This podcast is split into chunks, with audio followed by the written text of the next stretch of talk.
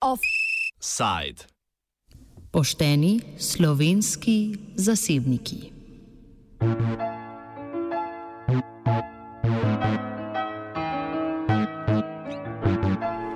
Ustavno sodišče Republike Slovenije je razveljavilo del zakona o medijih izpred treh let, ki določa kvote slovenske glasbe in glasbe v slovenskem jeziku, ki jih morajo doseči izdajatelji radijskega in televizijskega programa. Vendar prvega odstavka 86. člena in prvih petih odstavkov 86a člena sodišče ni razveljavilo nasploh in za vse, temveč samo za zasebne radijske postaje.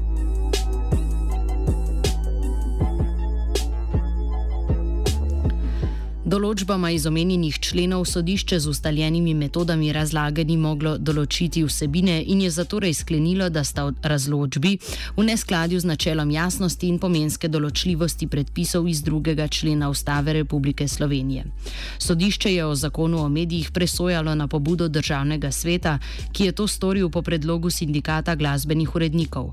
Vendar o vseh sebinskih pritožbah, kakor je ta, da naj bi člena usodno posegala v zasebno lastnino lastnika, lastnikov zasebnih radijskih postaj v vir njihovega premoženja oziroma v njihovo eksistenčno podlago, sodišče sploh ni razsojalo, saj sta člena zakona padla, še preden bi to sploh bilo potrebno. Zakaj sta torej člena padla in kako se lahko njuna razveljavitev sploh nanaša izključno na zasebne radijske postaje?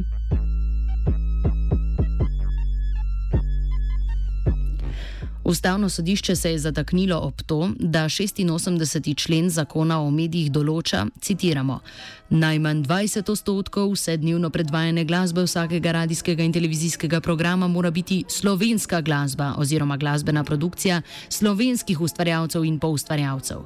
Hkrati pa je v drugem odstavku 86,a člena določeno, citiramo, najmanj 70 odstotkov deleža iz prejšnjega odstavka mora predstavljati glasba, ki je izključno ali v večinskem delu izvajana v slovenskem jeziku, razen ko gre za radijske in televizijske programe, ki v večinskem delu predvajajo instrumentalno glasbo.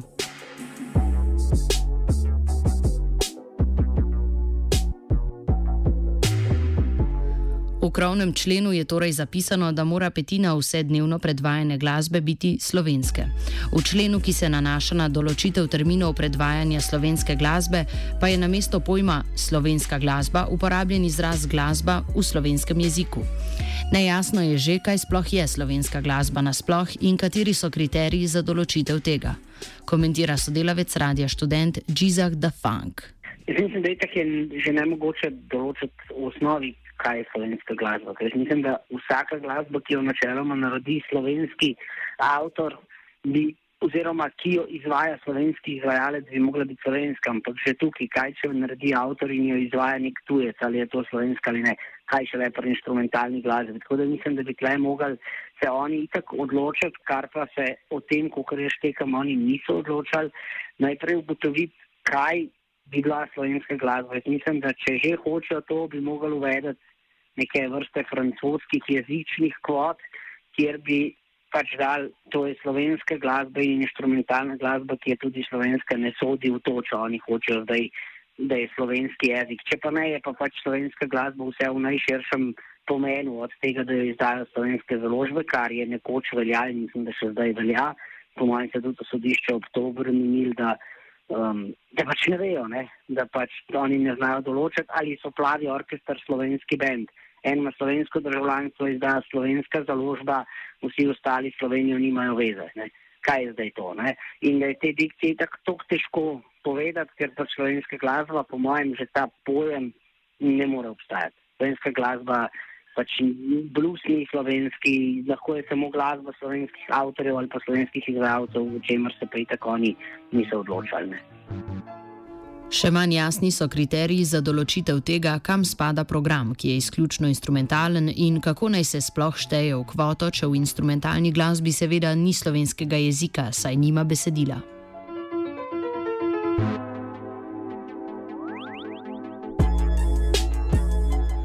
Ključni del sodbe prenašamo v celoti. Iz besedila drugega odstavka 86a člena zakona o medijih je mogoče sklepati, da morajo zasebne radijske postaje skupno 70 odstotkov predpisanega obveznega deleža, torej skupno 14 odstotkov vse predvajane glasbe v vsakem časovnem pasu, zapolniti z glasbo, ki je vsaj v večinskem delu izvajana v slovenščini.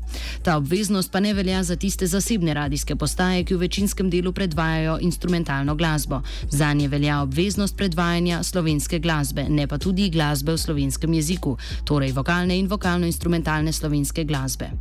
Po mnenju ustavnega sodišča ni jasno, kako razlagati zakonski pojem radijski programi, torej zasebnih radijskih postaj, ki v večinskem delu predvajajo instrumentalno glasbo. Torej ni jasno, kako določiti krok subjektov, za katere velja odpustek od predvajanja glasbe v slovenskem jeziku.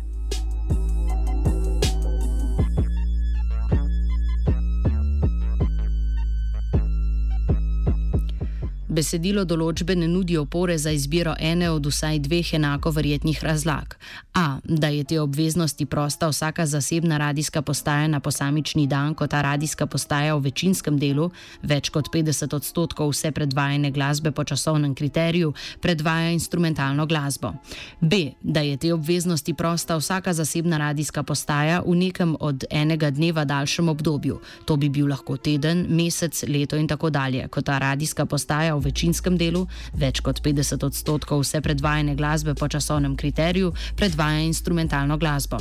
Pojasnilo Agencije za komunikacijska omrežja in storitve Republike Slovenije ne osvetli te dileme, pač pa jo samo po sebi nerazumljivo in daje celo vtis arbitrarnega ravnanja. Ako so menja, programe, ki nasploh skozi vse program predvajajo predvsem instrumentalno glasbo oziroma so prepoznani kot takšni.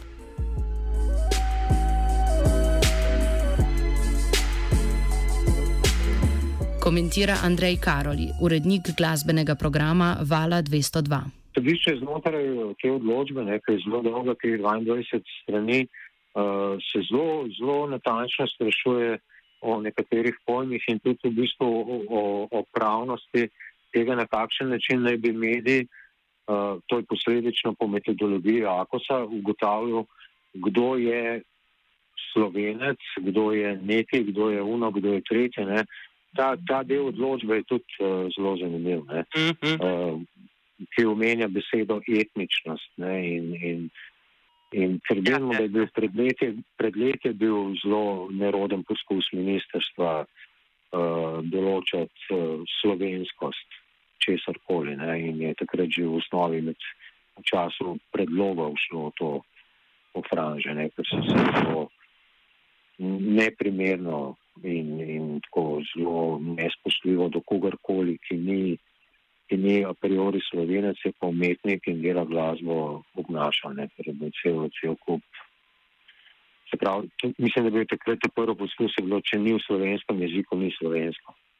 Ne, tako, mislim, da je šlo tako zelo hudo takrat. Določanje slovenskosti glasbe na podlagi etničnosti bi seveda bilo v očitnem razvoju, na, očitnem nasprotju z ustavo. A je to vrstno odločanje sodišče navajalo le kot mnenje Agencije za komunikacijska omrežja in storitve, krajše AKOS in neuveljavljeno pravno prakso. To sta dve zelo različni stvari, ampak da pač to morajo tako oni z, pač z zakonom o medijih oziroma mora AKOS um, ki skrbi za frekvence, če gre samo za radijske postaje, ne, to določiti, kaj je. In to pa težko pač določamo mi tako malce čez prst. Ne. Zato mislim, da je pač najlažje razlaga, ali je to glasba slovenskih avtorjev, ali je glasba slovenskih avtorjev in izvajalcev, kar pomeni, če en napiše komat za Rolling Stones, pa je pač to Jure iz Polkovega Graca, je to slovenski komat. Ali pa naj pač to točno opredelijo, ampak te točne opredelitve so težke, sploh pa zdaj v zakonu pač ti nisi mogel imeti nekega radija, ki bi bil, ne vem, country radio, ker ne boš najdel pač sto komadov mlajših od dveh let slovenskega countryja, da jih sploh lahko rolaš. Ne. Kako je možno, da nejasnost v zakonu, ki je protiustavna kljub temu, še zmeraj obvezuje tiste, ki niso zasebni radiji?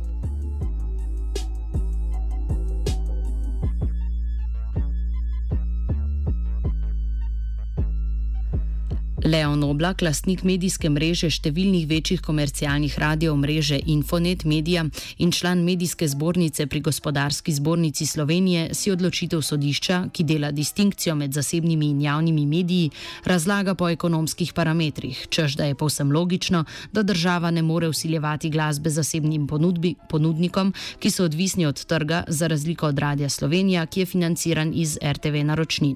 Ključno pa je, da zasebni radi nimajo RTV naročnine in pomeni, da čisto vse prihodke ustvarijo na trgu. To pomeni, da v trenutku, če zasebnemu radiju zmanjka denarja, ni nobene države, ki bi mu pomagala. In če si ti odvisen 100% od trga, pomeni, da moraš tudi tržno delovati. Podpiranje kulture ali pa kulturne umetnosti pa nikoli ni uspelo ustvariti dobička, ampak je vedno poslovalo z izgubo in zasebni mediji pač ne morejo poslovati z izgubo. In zato je po naši oceni logično, da ne moreš nekoga, ki se more tržno obnašati, sit v netržno funkcioniranje. Slovenska glasba je komercialna, ampak večji del slovenske glasbe ni tržne.